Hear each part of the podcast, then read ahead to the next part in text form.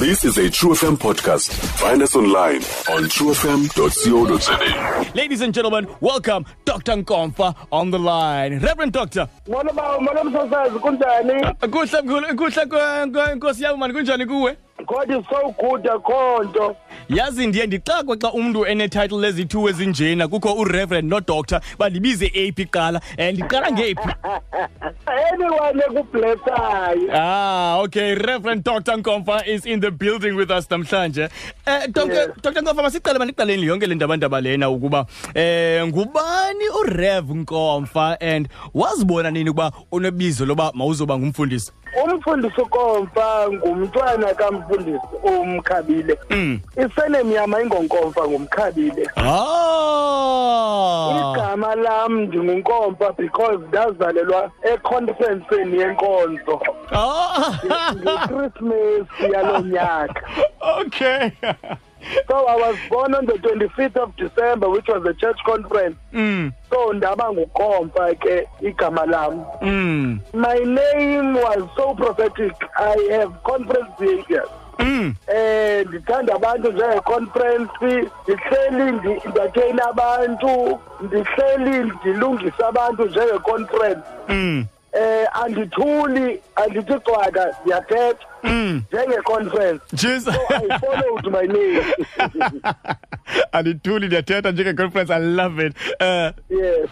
So uh, ubizo ke ngokuthi u- u- lento u- to us- useva inkosi wazirealiza nini uba okay no ndinalo libizo funeka ndilandele lona. Yes olu bizo luqale kum ndisemncinci because ndisemncinci ndandithanda ukulinganisa umfundisi. Mm. Eh umfundisi usaliso. Okay. Who was my uncle and umfundisi wami. But yakhula nami lento until at 19 ndade ndaba ndingumfundisi ke. Ukubuya kwami eSt Peters. Mm. Uyayikhumbula iSt Peters then ndaba ngumfundisi ke nda-ordainwa ke ndangumfundisi wase-Ethiopian Catholic Church.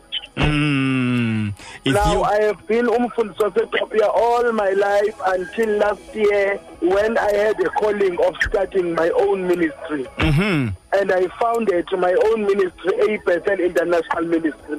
mhm Yes. all right uh, yazi mfundisi especially kwii-churches ezi-traditional njengezo i-ethiopian uh, catholic church eh iwisile so nentoni xa sijonge abafundisi abaninzi ngabantu aba-reserved eh abantu abangabathandi ukhwaza um wena xa u- ngoku awusakhula uziqonda uba okay ufuna ungena kwiministry wawungababona abafundisi abanjalo and yayingekho sengqondweni yakho ukuba ngamele uba umfundisi unecharacter ethile nethile nethile. Yayindikruqula loo character because ndayibona uba bubufake. that abantu banobomi obuninzi. Xa ethetha ecaweni bantu enebolise bakhona. Uthixo um ethethe nabanye ngethi ke so mna i think i re- decided uba i must be into enye ecaweni naphi. Le nto ndiyiyo enkonzweni mandibeyiyona ngaphandle. Mm. So mna I have always been irritated ngabefundisi who are busy dressing a part. Mm. Befuna ukufilishwa ba hey ingathi bango-deputy god Chisa. bade balibala uba bangabantu mm now mna i understand i-calling yobufundisi ifikela phezu kwam ndingumntu ndinako uba nazo ke iimpazamo njengomntu which allows god space to correct me. Mm. ngoba ibhayibhile ithi abantu bonke mabengamaxoki uthixo yedwa abe nenyani. Mhm so i want to maintain laa nto ithi i don't want uba ndijongwe njengomntu ongcwele ndijongwe njengomntu operfect kunabanye abantu kuba ndingumfundisi. Mm. yazi mfundisi ndifuna i still want to remain a person. Mm. to grow from my mistake ndithi graduate from level to another andifuni ukwenzelwa ii-favors okanye ndijonge ngendlela ethile isociety kuba ndingumfundisi Mm. ndifuna ukuba ndijajwe ngo- ngokwenza kwam ndinconywe on merit kuthiwa wenze kakuhle ukomfa kuba ndigxekwe njengabantu bonke onbe hayi we uyaphazama komfa kule ndawo because the mistake we do as abefundisi siyeka uba ngabantu siqale sibe zingelosi and then abantu bothuke xa besiva umfundisi wenze into ethile Mm. kuba bathe bamlibala uba ungumntu Mm. yes that is my own connotation and my understanding of my calling. Yazi njengoba uthetha mfundisi um ndicinga i- i- i-instance especific kakhulu um ngoku wena nowakwakho naniye kwisona eh and abantu bene-comments abazenzayo nge-ataya eh, kamamfundisi. And you, Yeah. you went out and wabaxelela abantu exactly what you think of them. Uh like kwakho umfana wayehlelele gqithi apha and wamphendula usithi kwa eh uphambene ndimamele nina nithetha inonsense. The fact that ndikholwa ayithi andibhandlanga and andizuthula now was that an instant where you felt like ukuba eh after after the fact ukuba it was a mistake okanye you were standing your ground as a man who's having unkosikazi wakhe attacked ngabanye abantu i still maintain my position mm. that there i was not responding as umfundisi again where there comes my point Mm. I was not responding as umfundisi there. I was responding as a husband to a wife.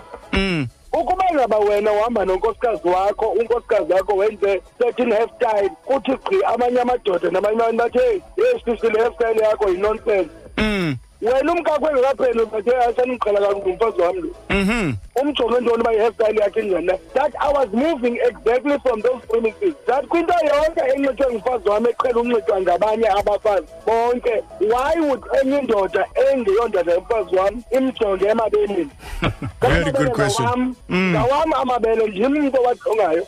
Ndiwajonga ngenjongo ke mna kuba ngawam now andivu-understand uba wena mtokazi uthi gqi uthi look into my assets emfazini wam wawugqiba uthi comment. Mhm. Ungabi nantloni uyindoda ukomente and since when are we going to stop as a society? Le nto yepatriarch where amadoda azawuqelula abafazi ngendlela abanxibe ngayo nangendlela abahamba ngayo. Even rapist zithi xa zizidume umntu zithi ithi society yethu hayi befuna uzidunywa yena besinxiba nantoni isikete esingakaya why can't we allow women to be women? Why is our society so oppressive towards women? Indoda ingahamba ngogaga akho mntu uzawumayinda yeke.